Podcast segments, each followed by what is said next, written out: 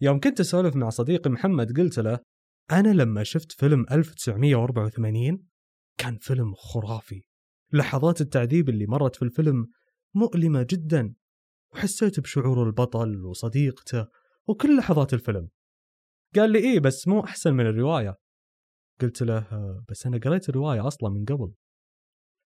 الرواية فعلا ليست فن سهل ولا بسيط وأثرها في التاريخ الإنساني كان عظيم. لكن كيف ظهرت الرواية أول مرة؟ وهل أثرت السينما على الرواية؟ هل فعلا الرواية مهما تصورت بأي شكل من الإخراج بيكون سيء ولا يوصل لمستوى توقعات صديقي محمد مثلا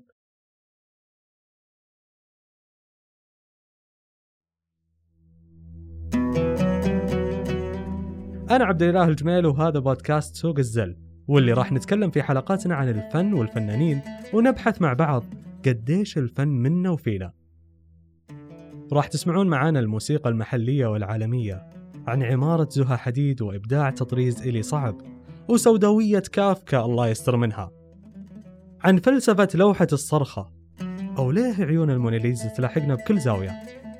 موسيقى رسم عمارة والكثير من الفنون اللي ننتظر ندرسها ونشوفها من زاوية أخرى.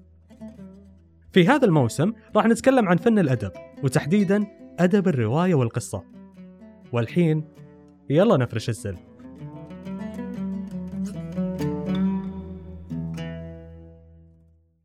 يمكن إطلاق لفظ الأدب بأوسع معانيه على كل ما صاغه الإنسان بقالب لغوي. والأدب ينقسم إلى نوعين نثر وشعر. والرواية باعتبارها أدب هي فن أدبي نثري وبسبب تعدد أنواع الروايات وتطورها صعب وضع تعريف واحد للرواية. طبعا تختلف الرواية عن القصة في أن القصة تتضمن عادة حادثة واحدة تدور حول شخصية أو أشخاص محدودين. مثل سوالف أبوي وأبوك يعني. أما الرواية فتقوم على حادثة أساسية واحدة وتتفرع عنها حوادث أخرى. على الرغم من تركيزها حول شخصية بطل أو بطلين. فتعرض في وسط الأحداث شخصيات أخرى ثانوية يعني المزيد من التعقيد والعمق والتأمل. كانت الرواية في القرن الثامن عشر في أوروبا تعتبر من آداب العوام تلازم الطبقات الاجتماعية الدنيوية. كانت محتقرة مبتذلة. ونفترض من هنا أتت النظرة الدونية واعتقاد أنها لا تبني فكرا واقتصارها على كونها قصة مسلية. لكن في القرن التاسع عشر ظهرت الرواية كجنس أدبي معترف به وارتبط ظهورها مع ثورة الطبقة البرجوازية. اللي اتخذت الإنسان أساسها ونادت بحقوقه. حرية عدل مساواة هذه الحقوق ترد إلى السياسة والقانون لكن أيضا ترتبط بالأدب. فالاعتراف بالمساواة بين البشر هو اعتراف بآداب البشر المتساوية. بهذا أعطيت الرواية اعتراف اجتماعي لا يقبل بالطبقات اللغوية. فتحدد ظهور الرواية بسيرورة اجتماعية ثقافية متعددة الجوانب. أما بالنسبة لنشأة وظهور الرواية العربية، تعددت الآراء، فبعضهم يقول أن العرب كتبوا الأدب الروائي القصصي مثل سيرة عنتر بن شداد ورأس الغول وحكايات ألف ليلة وليلة وحي بن يقظان وغيرها.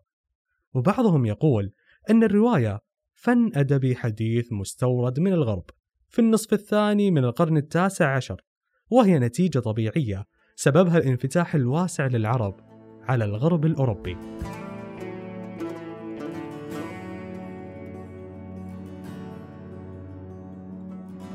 بكلماتي أنا أصور فيلما في عقلك. هذا هو شعار أي كاتب يعتقد أن كلماته تثير خيال القارئ.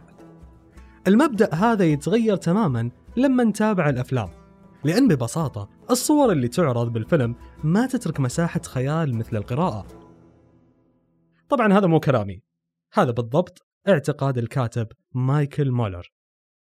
واللي يشوف إن السينما مستحيل تقدم نفس الأحاسيس والمشاعر والأفكار اللي تخيلها قارئ الرواية أو القصة لأن الصورة تحصر الفكرة في شكل محدد ومجسم على عكس الكلمة اللي تطلق خيال القارئ لأكثر من فكرة. تلقاك مرة تتعاطف مع البطل ومرة لا وحتى شكل البطل يتغير في خيالك. هو مرات طويل ولا قصير ولا يشبه مين والأفكار في ذهن القارئ تشبه الأحلام. لأن أثناء قراءته يتخيل عالم كامل مثل ما قال إرنست كاسيرير في كتابه اللغة والأسطورة. الكلمة هي التي تخلق للإنسان العالم الأقرب إليه وهذا بالضبط اللي ما تقدر السينما توصل له. رواية العمى مثلا واللي تحكي قصة وباء معدي في بلد معين وهو عمى لكن عمى أبيض كأنك غارق في بحر من حليب. ها! تخيلتوا معاي؟ الرواية ما ذكرت اسم البلد ولا حتى وصفته حتى الشخصيات ما ذكرت اسمائهم وقدمتهم بشكل مبهم جدا. هذا الطبيب هذه زوجة الطبيب هذه الفتاة أم نظارة سوداء وغيرهم من الشخصيات. الرواية اعتمدت على ما يعرف في عالم الأدب بالسرد المتعدد فتعددت الشخصيات والآراء والسرد. الرواية تحمل قضايا فلسفية مثل هل تنعدم الإنسانية إذا انعدم النظام؟ وهل نحن فعلا مبصرون أم مجرد عميان يرون؟ أو ماذا لو كنت أنت الوحيد الذي يرى في مجتمع أعمى؟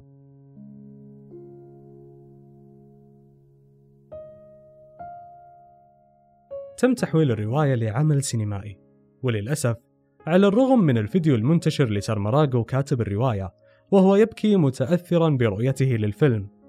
إلا أن الفيلم فشل فشلا ذريع رغم أن تم تصوير نص الرواية دون أي تغيير. ويرجع هذا لاعتقادنا أن النص تتجلى فيه سطحية العقل البشري في نظرته للإنسان. والسؤال الأبدي عن أخلاقية أفعال المجتمع الإنساني وغربة الإنسان في مجتمع لا يرى الحق. وكل هذه المعاني تختفي بشكل تلقائي بمجرد تحويل النص إلى مشهد مصور. شاركونا برأيكم في تويتر لو تختلفون معنا. ترى حنا في سوق الزل والبيع أخذ وعطى نجحت السينما في تحويل العديد من الروايات لأفلام عظيمة مثل فيلم ذهب مع الريح للرواية التي تحمل الاسم نفسه للكاتبة مارغريت ميتشل. وأحد أكبر الأمثلة أيضا هو فيلم البؤساء للرواية اللي بعد تحمل نفس الاسم للكاتب فيكتور هوغو. حتى وإن تم حذف الكثير من الشخصيات الهامة والفواصل التاريخية والمحورية في سرد القصة يبقى الفيلم له طابعه الخاص اللي يميزه. وطبعا يتم الحذف لأسباب عديدة منها تكاليف الإنتاج أو استحالة تحويل النص الأدبي لنص سينمائي يمكن تصويره. الأمر اللي ممكن يؤدي لانحراف جوهري في القصة. وهذا إجحاف كبير في حق الرواية ومؤلفها Film of The Shining. No. Cold. I'm not a cold guy. I think one of the things that people relate to in my books is there's a warmth, there's a reaching out and saying to the reader, I want you to be a part of this. And with Kubrick's The Shining, I felt that it was very cold. هذا ستيفن كينج أشهر كاتب في أدب الرعب في عصرنا الحالي كان يتكلم عن عدم رضاه عن الفيلم المصور لروايته The Shining وفي الحقيقة ستيفن مو أول كاتب يعبر عن عدم إعجابه في تمثيل الفيلم لكتابه. أيضا جورج مارتن اللي تحفظ بشكل كبير على رأيه في الموسم الأخير من Game of Thrones يعني مو بس حنا الحمد لله. وكان واضح لنا قديش عدم إعجابه بالمنحنى اللي اتخذه المسلسل لكن ما ننكر الشهرة اللي حققها المسلسل للرواية.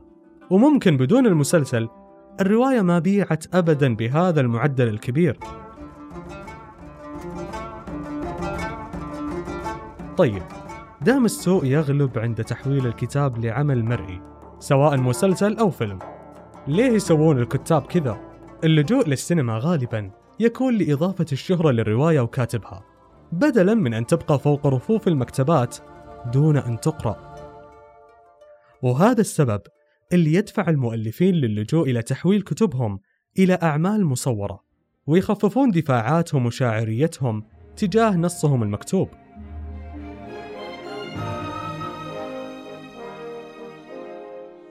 تبقى للرواية هيبتها الكبيرة. ولو كان في أحد متحيز للأدب ما حد يقدر ينكر وصول السينما الكبير لأرواحنا بسبب واقعيتها اللي سهل توصل فيها رسائلها. مباشرة كانت أو مبطنة. تبقى للرواية هيبتها الكبيرة. ولو كان في أحد متحيز للأدب ما حد يقدر ينكر وصول السينما الكبير لأرواحنا بسبب واقعيتها اللي سهل توصل فيها رسائلها مباشرة كانت أو مبطنة.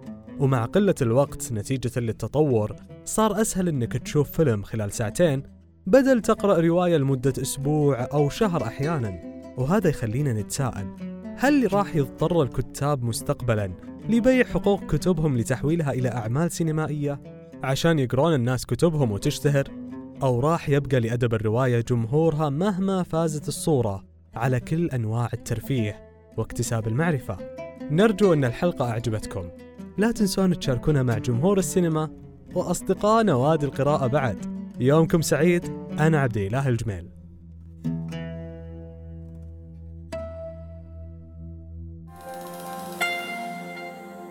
ودكم تسافرون وأنتم بمكانكم؟ طيب قد تخيلتوا رحلة تلفون فيها كامل المكان بحوالي نص ساعة؟ في بودكاست ظرف مكان أخذكم أنا منى الطريف.